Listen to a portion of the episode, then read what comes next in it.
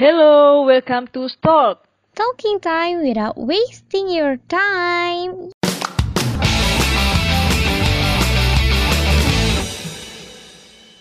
Yeay, kembali lagi aku Dini. Dan aku Yeka. Nah, para pendengar stalk, apa kabar nih? Semoga sehat selalu ya. BTW nih Din, kali ini kan kita bakal ngebahas topik yang berhubungan banget sama kehidupan mahasiswa nih. Ya, bener banget ya. Jadi kita tuh akan bahas tentang self love di mana self love sendiri itu adalah mencintai diri kita, menghargai, menghormati dan memahami diri sendiri. Nah, kita itu bisa realistis kok dan jujur pada diri sendiri bahwa tentang kekurangan dan kekuatan kita itu bisa menjadi diri sendiri dengan nyaman gitu. Jadi apalagi di masa pandemik seperti ini ya, kita kan sekarang lagi uh, suka nih ngelihat sosial media. Nah, terus kita tuh uh, membandingkan gitu loh kepada kehidupan orang lain, jadinya kita tuh semakin insecure gitu. Bener banget nih, ditambah lagi sekarang itu kan umur mahasiswa rata-rata kayak 20 tahunan gitu kan.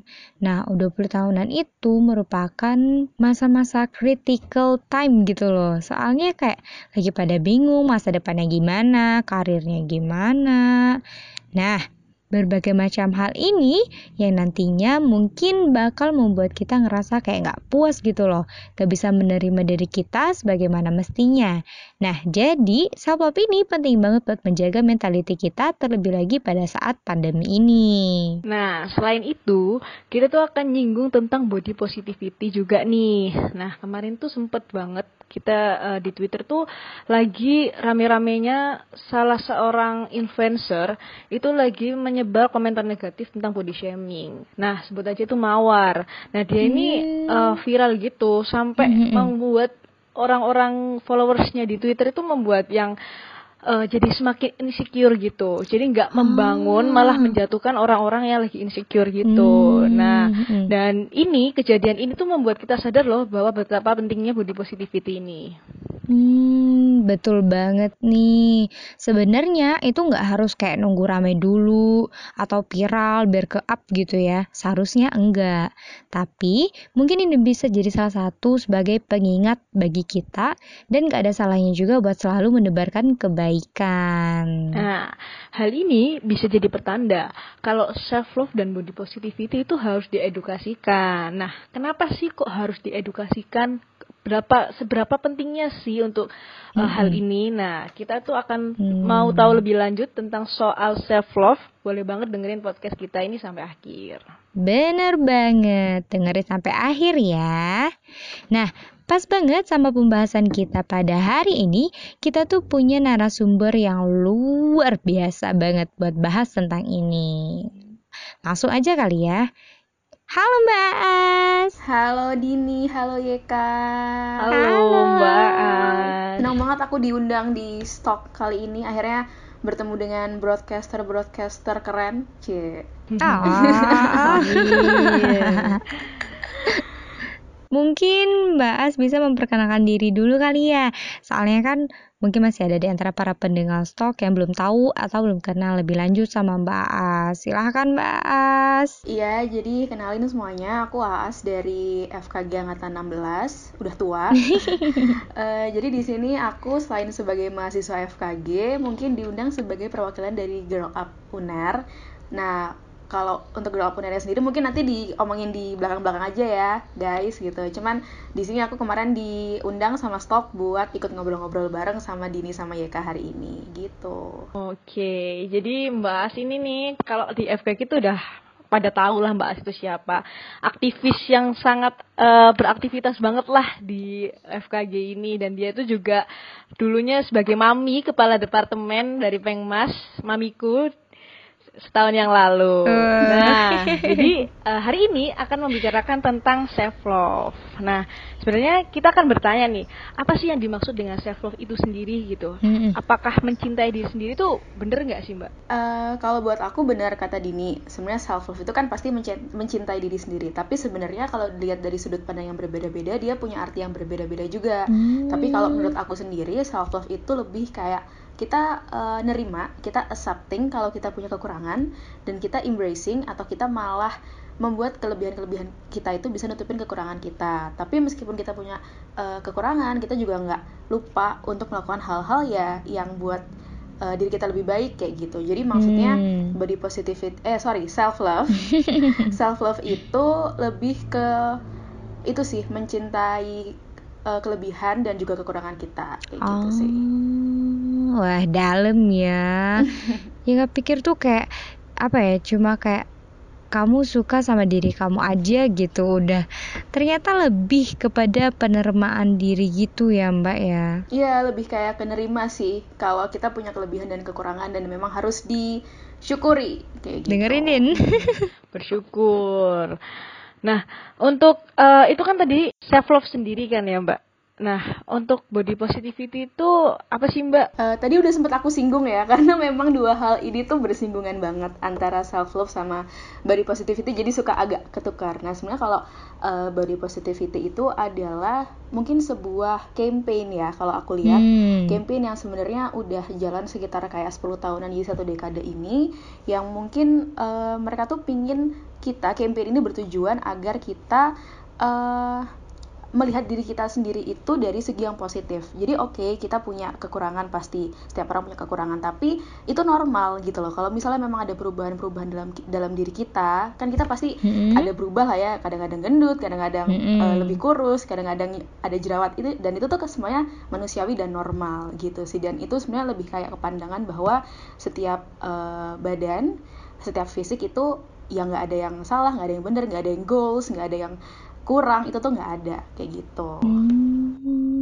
Oke, okay, jadi seperti itu ya tentang body positivity itu. Bener banget nih, lebih ke arah kayak menghargai diri kita sendiri dan menerima sebagaimana mestinya gitu ya.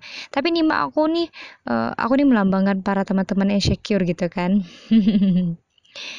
Di masyarakat itu kan kayak kita ada stigma tertentu gitu loh mbak mengenai kecantikan, kepri kepribadian, apalagi kan di masyarakat kita tuh contohnya nih, misal cewek khususnya kalau yang punya kulit putih, kalau nggak tinggi, badannya langsing gitu kan, kurus, nah glowing, itu tuh di Batang kayak lebih kayak oh itu standar kecantikannya. Kalau nggak oh kayak yang cantik apa ya kayak harus lebih di diperhatikan diutamakan. Jadi agak hmm, apa ya agak mengintimidasi gitu loh mbak. Bener banget. Menurut mas gimana ya nah emang banyak ya maksudnya yang standar kecantikannya itu kulit putih dan lain-lain. Nah tapi sebenarnya itu sebenarnya tergantung sama society sih tergantung sama lingkungan. Soalnya kalau misalnya kulit kulit sawo matang kayak kita gini ketika dibawa ke luar negeri -hmm. orang luar malah bilang bahwa kita tuh eksotis hmm. gitu kan. Jadi sebenarnya uh, ini hanyalah sebuah stigma dan juga sebuah mindset sih menurutku. Yang penting menurutku mau kulit kita warna apa pun yang penting sehat bisa berguna sesuai sama uh, fungsinya sebagai indera peraba dan lain-lain. As long as dia bisa berguna dengan baik kayaknya it's fine. Tapi tetap memang kita nggak bisa dibungkiri bahwa di society adalah namanya privilege privilege untuk orang-orang yang mungkin dianggapnya lebih good looking. Itu mungkin ada memang. Hmm. dan maksudnya uh, kita emang nggak bisa gimana ya itu memang harus diedukasi dan pelan-pelan banget bahwa sebenarnya kita nggak boleh ngelihat orang 100% dari physical appearance-nya aja kayak gitu. Hmm, bener bener bener bener. Jadi kan kita tuh nggak boleh um, just by the cover gitu ya mbak ya. Benar. Jadi nggak boleh bener. langsung nilai dari ini appearance-nya. Apalagi kan di Indonesia kan juga banyak banget kan yang uh, berkulit sawo matang. Jadinya ya nggak apa-apa dong kalau kita mempunyai kulit seperti itu. Toh yang di luar sana kan lebih suka kan mbak sama yang eksotis eksotis gitu ya. Bener banget. Nah terus juga mbak uh, kayak aku tuh ngeliat di uh, sosial media nih terus lihat Instagram terus uh, komenan-komenannya itu kayak ada yang jual hmm. uh, pemutih kulit kayak peninggi apa, badan. produk ini. 100% langsung bisa memutihkan tubuh anda secara langsung kilat gitu. Nah menurutnya mbak itu kayak gimana tuh? Orang-orang yang seperti itu. Sebenarnya uh, aku menganggapnya kayak setiap orang sah-sah aja ya kalau misalnya memang dia mau berusaha untuk jadi dirinya versi yang lebih baik. Mm-hmm. Tapi kalau misalnya usaha-usaha itu malah akhirnya self harm atau menyakiti diri sendiri, contohnya itu kan kayak uh, pemutih apalah segala macam yang dijual itu kan sifatnya instan dan semua yang instan itu ya memang nggak semua sih, cuman kebanyakan yang instan itu uh, malah bikin bahaya soalnya kalau misalnya dilihat dari uh, apa namanya ingredientsnya itu dari bahan-bahannya itu pastilah ada bahan-bahan berbahaya. Nggak mungkin kan bisa kayak menurunkan badan secepat itu dan lain-lain. Ya kalau misalnya memang tujuannya untuk memperbaiki diri tapi malah menyakiti diri sendiri ya menurut aku ya jangan gitu. Karena uh, hmm. buat apa? Jadi kayak maksudnya tujuan self love nya ini nggak dapet hmm. karena akhirnya malah self harm gitu menurut aku. banget sih. Jangan kemakan jangan kemakan jualan mbak Dini. Bener hasilnya hasilnya instan cuman efeknya bisa long termnya kita nggak hmm. tahu kan apa. Jadi kayak serem banget sih itu. Sama aja kayak mie instan tuh. Enak di awal tapi kalau lama-lama dimakan itu bisa menyakiti anda guys. Bener. Bener bener. Nah uh, mbak Ah sendiri uh, kadang tuh nyadar nggak sih mbak? Kalau misalkan kita tuh nyari set make up itu tuh yang harus yang gelap kayak gitu. Terus uh, terus ada juga brand lokal tuh ngeluarin setnya itu juga terang-terangan gitu. Nah uh, padahal kan di Indonesia itu kan sering banyak juga gitu loh yang berkulit coklat gelap gitu kan. Nah itu uh, kayak gimana ya uh, mbak tanggapannya nih Uh, sebenarnya itu sebenarnya part of marketing ya menurutku. Mungkin karena mereka uh, berpikir dengan jualan shade yang lebih terang karena memang mereka menganggap bahwa orang-orang Indonesia ini punya goals untuk menjadi putih gitu kan. Jadi mereka juga jual shade-nya yang lebih hmm. ke terang gitu loh padahal memang mayoritas orang Indonesia warnanya malah sawo mateng kuning langsat gitu kan tapi sebenarnya kalau masalah shade ini aku menganggapnya kalau dunia kosmetik itu mulai kok maksudnya kalau dari brand-brand luar ya aku melihat bahwa kalau kamu perhatiin juga kayaknya pilihan shade-nya itu juga udah mulai beragam hmm. sih untungnya nah mungkin ini sebenarnya yang harus ditiru mulai ditiru sama brand-brand lokal untuk menambah range sheetnya mereka itu ditambahin biar semakin uh, apa inklusif lah yang pakai itu nggak cuma beberapa orang aja gitu nggak sih? Hmm oke. Okay. Jadi seperti itu tuh. Jadi bisa dibilang kayak uh, sekarang ini kayak udah ada lah ya mbak ya kesadaran mengenai kayak hmm, kayak yang cantik itu nggak cuma yang putih doang gitu ya iya benar-benar soalnya campaign ini juga udah lumayan lama jadi kayaknya brand-brand hmm. lokal maupun luar itu juga udah mulai menyadari itu ya dan memang kan sebenarnya kosmetik buat semua orang nggak cuma misal kayak orang-orang hmm. berkulit putih jadi mereka mulai memperluas lah pilihan shade-nya itu hmm. biar semuanya bisa pakai oke okay. jadi seperti itu tuh nah terus uh, kalau uh, tanggapannya Mbak As juga nih, jadi uh, kadang tuh aku juga punya temen Mbak bahwa kalau misalkan uh, dia itu pengen kurus, terus dia tuh di apa diet secara mati-matian harus uh, olahraga yang setiap hari terus olahraga terus dia uh, ngurang-ngurangin hmm. makanan karbohidratnya jadinya dia tuh akhirnya uh, supaya untuk mencapai body goals gitu loh body goals yang diimpi-impikan oleh banyak orang gitu ya kan? Jadi kan kayak cewek cantik tuh harus kurus pinggangnya kecil gitu.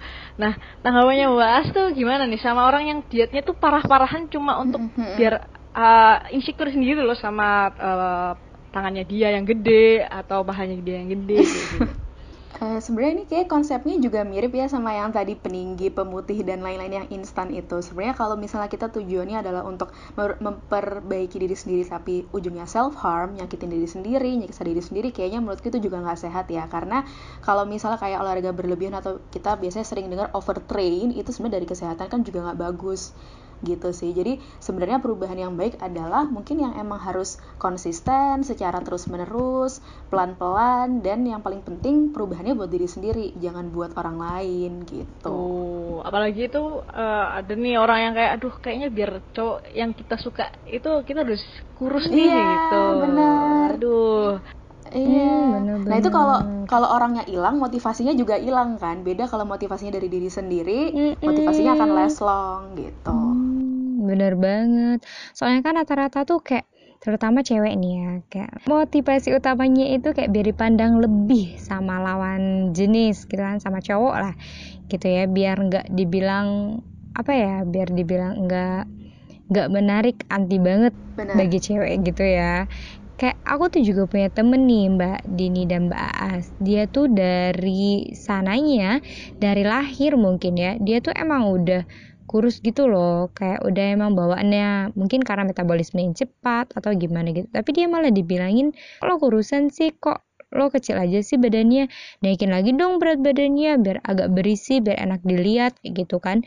Padahal menurutku nggak masalah gitu ya nggak apa-apa gitu ya. Kayak semua orang itu punya hmm, tipe badannya masing-masing. Kayak semua orang itu punya hmm, sisi cantiknya masing-masing gitu kan Mbak As ya.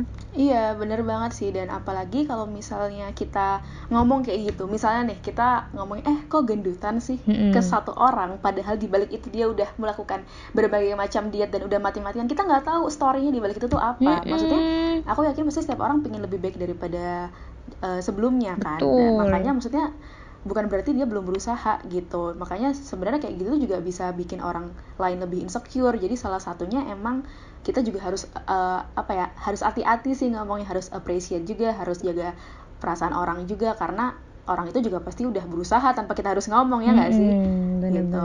Nah tapi aku mau nambahin lagi nih sih mbak. Jadi Boleh. kan uh, nerusin pertanyaannya Yeka tadi bahwa ada orang yang kayak ketemu eh kamu kok kurusan sih? Eh kamu kok gendutan sih? Nah pasti kita akan bakal menemukan temen yang seperti itu. Secara nggak langsung kayak misalnya teman lama nih terus mbak pasti pernah kan me mengalami hmm, seperti pasti. itu nah tanggapannya mbak tuh untuk menanggapi hal tersebut itu gimana gitu? Saat ketemu sama temen gitu terus gimana nih caranya lagi yang kayak udah lama gak ketemu tiba-tiba yang pertama dikomenin langsung fisik gitu ya. Itu kan bete banget nggak sih biasanya? Iya bener. Nah biasanya sih itu emang di mana kita harus uh, latihan kita harus punya self love yang tinggi sih. Karena ketika misalnya ada orang kayak gitu ke aku aku bercandain aja. Karena sebenarnya yang tahu kondisi kita sendiri tuh ya kita. Maksudnya eh kamu kok gendutan sih? Padahal kayak mungkin aku gendutan karena aku mencoba untuk lebih sehat gitu. Bisa aja kan? Atau aku kurusan karena uh, aku kemarin sempat sakit itu kan sebenarnya kondisi-kondisi itu yang tahu hmm. adalah kita hmm. sendiri gitu loh jadi ya kalau misalnya ada orang ngomong apa ya udah jadi angin lalu aja karena sebenarnya mereka dan mm-hmm. itu kan uh, istilahnya itu bukan fakta itu kan sebenarnya cuman cuman komen yang mereka aja dan komen mereka itu kan belum tentu benar gitu jadi ya ya udah dibiarin angin lalu aja dan maksudnya pasti orang-orang yang uh, tahu batasan itu ya nggak akan ngebahas tentang fisik sih. Makanya ini pentingnya kita harus mengedukasi bahwa janganlah kalau misalnya kayak baru ketemu langsung bahas fisik hmm. dan lain-lain. Karena kita nggak tahu mereka struggling apa di balik itu gitu. Jadi lebih ke yang ya udah cuekin aja gitu loh. Atau kadang aku bercanda ah masa sih? Gitu. Gitu sih. Ngerin tuh pada pendengar stok tuh. Karena apa ya itu hal yang selalu terjadi gak sih mbak? Karena kalau misalnya kita ketemu benar. yang hal pertama yang akan dia omongin tuh kok kamu kurusan iya. sih nah kamu kok gendutan sih? Kayak nggak ada pertanyaan yang lain. Benar benar benar benar. Jadi tuh kayak harus dihilangkan nggak sih pertanyaan-pertanyaan itu? Kita mending uh, iya. uh, ngobrol yang lain gitu loh. Kayak kamu sekarang uh, sibuk iya. apa? Atau uh, ngapain Benar. sekarang gitu daripada kamu harus membahas tentang fisik seorang gitu loh karena itu menjadi hal sensitif lah oke okay? buat mm -hmm. uh, setiap orang gitu benar benar benar jadi kayak nanya ke dosen ya iya gimana dok mohon izin dok bertanya oh, iya ya jangan dong ini mbak aku mau tanya Hmm, apa ya? Tadi kan kita udah ngebahas tentang body positivity sama self love. Tapi kadang tuh kita suka bingung gitu loh mbak. Oke, kita tahu definisi mengenai self love itu sendiri, tapi kita tuh apa ya? Tadi kan kayak Mbak As bilang tadi tuh self love itu kan tentang menerima. Tapi menerima ini kan susah banget dilakuin. Apalagi kita tahu mengenai kekurangan kita, kita tahu kita nggak bagusnya di mana. Menerima ini tuh susah. Gimana nih Mbak As caranya menerima diri itu Caranya gimana ya? Tuh, itu pertanyaan banyak pertanyaan sih ya pasti ya, gitu caranya untuk menerima diri sendiri itu seperti apa? Iya. Sebenarnya kalau untuk uh, prosesnya ke sana tuh menurutku adalah proses yang panjang sih nggak mungkin dalam satu mm -hmm. waktu kita bisa langsung oke okay, aku tuh orangnya kayak gini karena itu merupakan proses yang panjang tapi uh, menurut aku ketika memang sudah kita sudah tahu value kita sendiri. Misalnya oke okay, aku punya kekurangan ini tapi aku juga punya kelebihan ini ini. Nah value ini yang aku pegang terus. Maksudnya oke okay, aku nggak apa-apa sih punya kekurangan itu tuh aku punya value ini yang harus aku jaga dan value ini yang harus uh, maksudnya sebenarnya orang akan ingat kita itu pertama kali itu bukan dari kekurangan kita gitu loh. Kalau misalnya kita punya value yang bagus dan itu selalu kita bawa, selalu kita latih. Misalnya aku value, uh, misalnya Dini, Dini punya value-nya dia peduli sama orang lain. YK, YK value-nya dia uh, bagus public speaking-nya dan lain-lain. Kalau misalnya memang itu dilatih terus, orang-orang hmm. tuh akan melihat pertama kali yang diingat itu ya value kalian gitu loh jadi maksudnya jangan insecure kalau kalian punya kekurangan karena kalau misalnya kita terus-terusan latih kelebihan kita, insya Allah orang-orang juga nggak akan ingat kekurangannya gitu loh. Tapi uh, pasti kita punya bad days juga kan di mana kekurangan ini atau kita insecure ini datang lagi ke kita bikin kita kepikiran. Nggak apa-apa kalau misalnya emang insecure-nya pas lagi kumat itu ya diterima aja. Dan saranku sih emang kalau misalnya lagi insecure uh, cerita aja ke orang-orang terdekat ya yang memang tahu value kamu gitu loh. Jadi soalnya orang-orang terdekat kita tuh ya kalau misalnya memang mereka suportif ya mereka akan lebih yang kayak ah ngapain sih? Misalnya ya misalnya aku cerita ke temanku ah ngapain sih as mikirin itu? Toh maksudnya kamu punya banyak kelebihan dan value kamu yang lebih lebih valuable gitu loh. Jadi kayak ya nggak usah lah kamu ngerasa insecure gitu. Jangan pas lagi insecure malah banding bandingin sama orang lain itu malah bikin tambah parah gitu. Jadi mm -hmm. sebenarnya prosesnya tuh panjang dan gak bisa dilakuin cuman kayak sebulan dua bulan tuh nggak bisa gitu sih menurutku. Aku pun juga masih belajar gitu. Berarti apresiasi dari orang lain itu penting sekali ya mbak ya? Iya apalagi mungkin kayak orang-orang terdekat yang memang kenal kita ya gitu. Soalnya sebenarnya kalau apresiasi dari orang terdekat tuh kayak menurutku lebih meaningful dari misalnya kayak stranger atau apa. Soalnya orang-orang terdekat kita memang sudah tahu kelebihan kekurangan kita tapi ya mereka hmm. masih stick around gitu. Jadi ya menurutku lebih meaningful aja kalau misalnya mereka memang lebih kita dapat apresiasi dari mereka hmm. gitu sih. Emang penting ya lingkungan ini jadinya bahas ya. Iya, itu pentingnya kita harus milih bener-bener lingkungan yang memang suportif gitu. Hmm. Jadi mungkin kalau uh, para pendengar stok yang sekarang mengalami uh, lingkungan yang toksik yang uh, berada di lingkungan yang suka membuli hmm. atau suka merasa apa menjadikan kalian tuh insecure ya jalan keluarnya adalah keluar dari lingkungan toksik itu gitu. Karena mending temen yang dikit tapi sangat mengapresiasi daripada kamu punya temen banyak tapi sangat tidak membantu kamu gitu loh untuk mencintai diri kamu sendiri Setuju. gitu Bener banget. Walaupun kadang tuh kayak di lingkungan pertemanan apa ya? Tamengnya itu kayak ya Allah bercanda doang. Ya ampun gitu doang. Kita bercanda aja kali. Ya walaupun kamu menganggap itu bercanda, tapi bagi orang lain itu kayak mungkin itu menyakiti hatinya gitu kan ya. Menyakiti kayak bahkan ada yang sampai menyakiti harga dirinya dan sebagainya gitu. Jadi teman-teman stok semua stop ya toxic bagi teman kalian. Aduh, penting sekali guys gitu. Nah, terus uh, aku mau membicarakan lagi tentang self love sendiri nih. Boleh, boleh. Kadang-kadang tuh uh, ada juga gitu loh Mbak teman kita tuh yang sukanya tuh membahas tentang fisiknya orang lain tuh ya fisiknya orang lain. Apa tanggapannya Mbak hmm. misalkan berada di lingkungan orang yang suka membicarakan tentang kekurangan orang lain gitu. Misalkan kekurangan orang lain ini bukan karena sikapnya ya, tapi karena fisiknya gitu. Padahal sebenarnya uh, di sini nih nggak ada hubungannya sama fisiknya itu gitu. Tapi dia tuh selalu membawa-bawa tentang uh, fisiknya seorang kekurangan seseorang ini. Apa yang tanggapannya Mbak gitu? Uh, sebenarnya aku itu sebagai bahan bercandaan ya gitu jadinya iya, iya. mau mau memberikan uh, apa ya kasih tahu tuh kayak ah nggak asiknya orang kayak gitu misalkan. Uh, sebenarnya kalau menurutku orang-orang yang maksudnya kayak suka ngebully atau suka ngomongin fisiknya apalagi fisik ya fisik orang lain tuh sebenarnya mereka juga insecure sama diri mereka sendiri. Soalnya kebanyakan orang-orang yang ngebully itu uh, karena insecure mereka nutupin insecure-nya dengan mereka ngebully orang lain.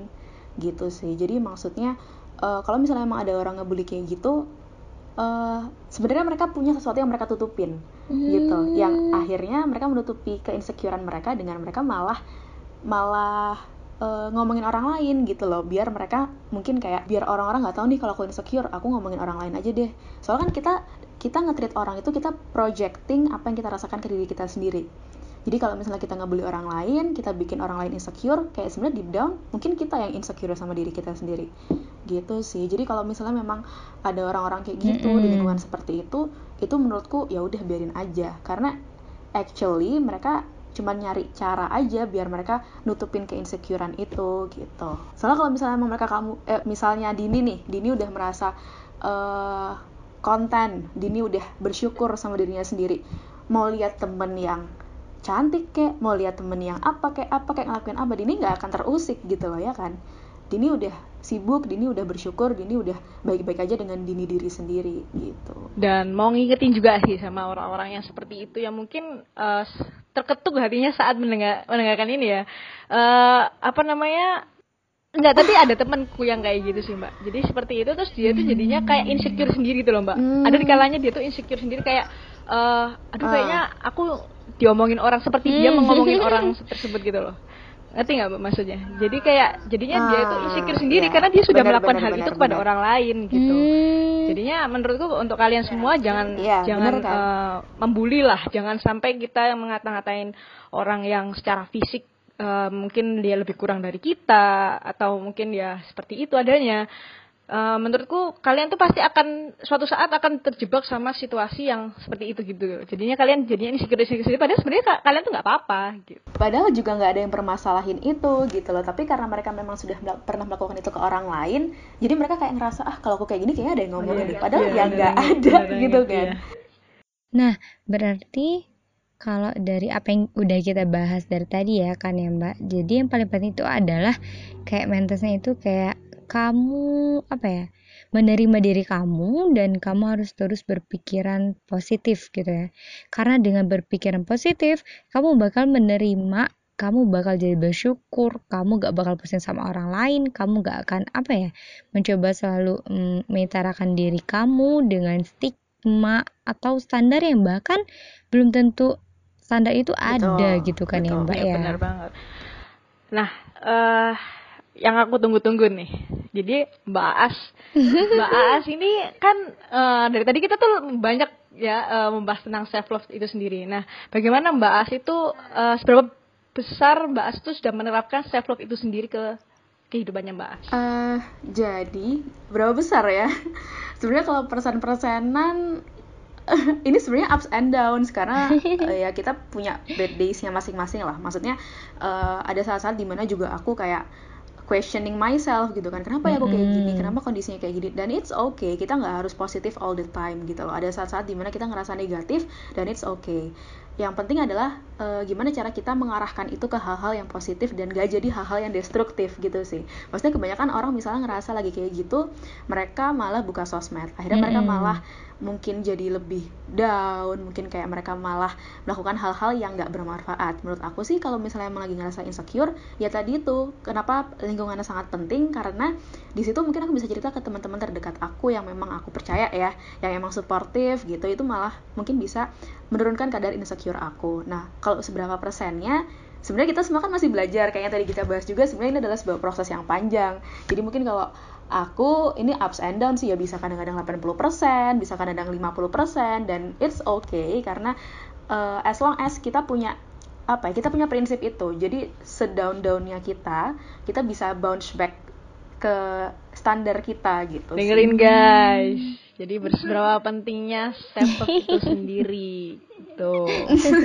yes, betul banget. Apa ya?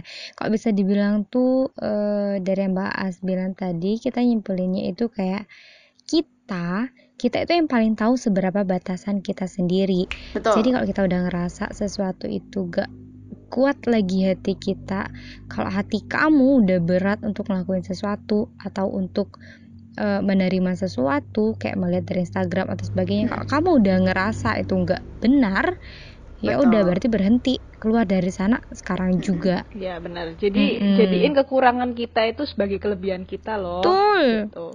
Jangan uh, selalu merasa kurang mm-hmm. gitu. Dan juga menurutku uh, self love ini sendiri nih sama, uh, banyak sekali kok uh, banyak yang membantu kita untuk mencintai diri kita sendiri gitu. Salah satunya mungkin ini lagi ngetren lagunya TikTok, ngerti nggak, Yang mana? Yang, yang mana tuh? Yang pakai bahasa Jawa itu loh yang banyak sekali uh, ngecover. Oh iya iya iya tahu tahu. Itu kan apa oh, kata-katanya membantu sekali gitu kan. Bahwa kita itu uh, ya udah kalau misalkan eyelinernya uh, tebel ya it's okay ya. Roto uh, ya kita sendiri gitu. Kenapa kok kalian yang uh, resah? Kenapa kalian kok yang komen gitu? Jadi mm -hmm. banyak sekali lah hal yang membuat kita itu benar, benar, uh, benar. semakin mencintai diri kita sendiri. Jadi kalau misalkan kalian nanti di sosial media yang ada orang-orang yang seperti si mawar tadi itu yang membuat uh, hate speech tentang body shaming itu udah jangan dilihat gitu. Makan hati sendiri gitu. Mending kita lihat banyak kok orang-orang yang uh, membuat kita tuh mencintai diri kita sendiri gitu. Dan juga uh, kalian juga bisa menonton film Imperfect. Itu bagus banget sih untuk kalian semakin mencintai diri kita uh, mencintai, mencintai diri kalian sendiri untuk lebih baik bersyukur daripada insecure gitu. Jadi kalian harus nonton. Jadi eh, nggak uh, nggak kaleng-kaleng lah filmnya Ernest ini karena bagus banget. Mbak A sudah nonton? Aku udah nonton. Aku nonton di bioskop. Udah nonton awal-awal aku dan emang bagus oh, banget sih iya, menurut aku. juga aku. udah nonton di bioskop. Kangen ya nonton di bioskop oh, ya? Oh, kangen ya. Kangen banget dong. Kangen. Kangen suasananya juga. Oke, okay, ya. teman-teman stok semua, dari apa yang udah kita bahas dari tadi, tentunya ada banyak banget pelajaran yang bisa kita terapin ke kehidupan kita sehari-hari ya. Buat kamu para kaum insecure, please dengerin ini sampai akhir, ambil pelajarannya dan belajar untuk berhenti, berhenti untuk mengikuti hmm, apa ya? mengikuti kecepatan orang lain dalam lomba ini karena ini tuh sebenarnya bukan sesuatu tentang siapa yang lebih baik atau siapa yang paling baik. Karena kita semua itu pada sejatinya manusia. Dan manusia itu nggak ada yang sama persis. Manusia itu heterogen. Kalau semuanya homogen ya ya apa ya? Apa cantiknya kita gitu? Apa pentingnya diri kita? Susah gitu. bedainnya ya hmm, betul.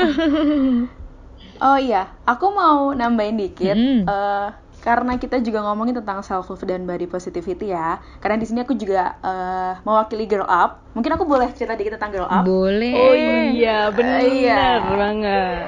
Si Mbak uh, ini lagi merintis tentang uh, komunitas namanya girl up UNER. Betul. Nah, gimana nih Mbak ceritain dong tentang girl up ini? Iya, jadi uh, mungkin banyak nggak nggak tahu ya banyak atau udah masih sedikit sorry yang udah tentang girl up. Jadi mungkin kalau aku boleh cerita sedikit, jadi girl up ini adalah uh, program inisiatif dari PBB atau United Nations Foundation. Jadi dia ini udah dari 2010 dini ya kak gitu. Hmm. Jadi tujuannya sebenarnya adalah untuk mewadahi remaja perempuan khususnya secara global untuk dia lebih kayak mengembangkan potensi diri, melatih leadershipnya mereka, uh, terus mungkin kayak uh, apa ya pokoknya membawa dampak positif dan khususnya isu yang kita angkat adalah tentang women empowerment dan gender equality. Nah, so far udah ada sekitar 4000 klub girl up hmm. di hampir 120-an negara di seluruh di seluruh dunia.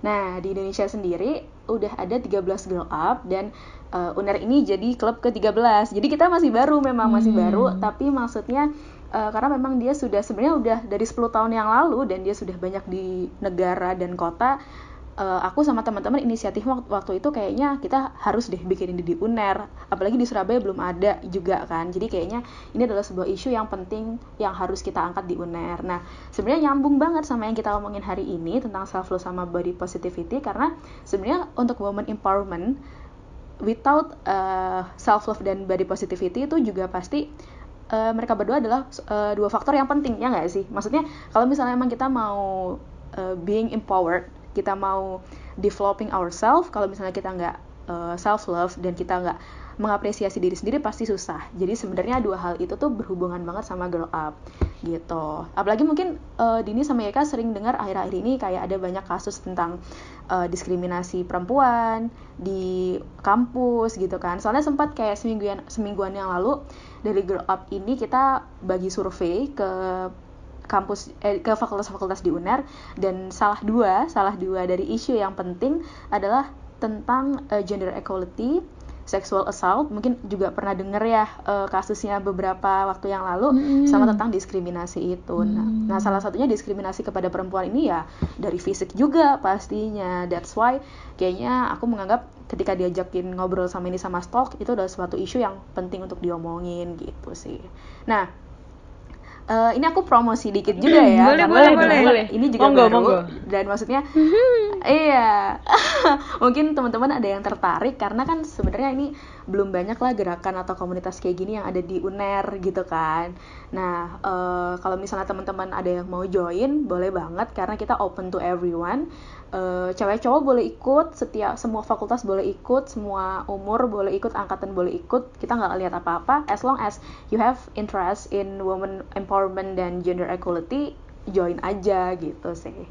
Mungkin bisa follow Instagramnya ya @girlup.uner jangan lupa. Mhm. Mungkin dia Kak sama Dini juga bisa follow. Oh, sudah dong. Karena yang kita bahas juga banyak sih. Oke, dan untuk cara pendaftarannya apa Mbak syarat dan ketentuannya nih? Mungkin uh, yang mendengarkan stok nih pengen ikut Girl Up Uner. Oh iya, untuk syarat dan ketentuannya mungkin bisa di follow dulu di IG kita karena kita soon akan upload tentang itu.